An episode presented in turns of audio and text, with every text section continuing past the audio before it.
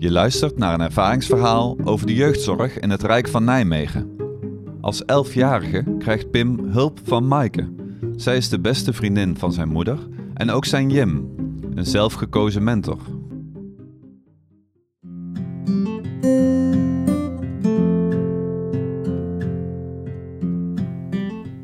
Het was woensdag om half vijf op 3 juli. We hadden ons evaluatiegesprek van de Jim. Ik, mijn Jim Maaike, mijn begeleider Eva en mijn begeleider van het wijkteam Max. Maaike is eh, een hele goede vriendin van mijn moeder, een echte beste vriendin. Ook wel een tweede moeder voor mij. En het was voor mij best wel fijn toen ik zo'n Jim had, zo'n persoonlijke Jim, want ik kan er alles aan vertellen. Ik kan er alles aan kwijt. En ik heb me in die maanden heel erg opengesteld. Ik en mijn vader hebben vroeger heel veel akkefietjes gehad. En ik merk dat wij gewoon heel erg goed met elkaar om kunnen gaan. En ik merk dat het mij ook zelf heel raakt.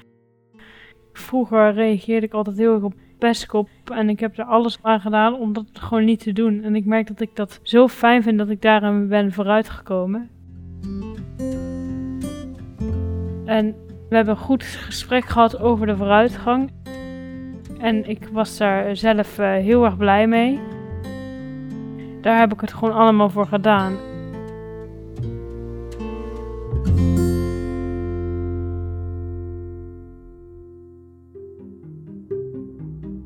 Je luisterde naar een verhaal uit de serie Kind te Rijk.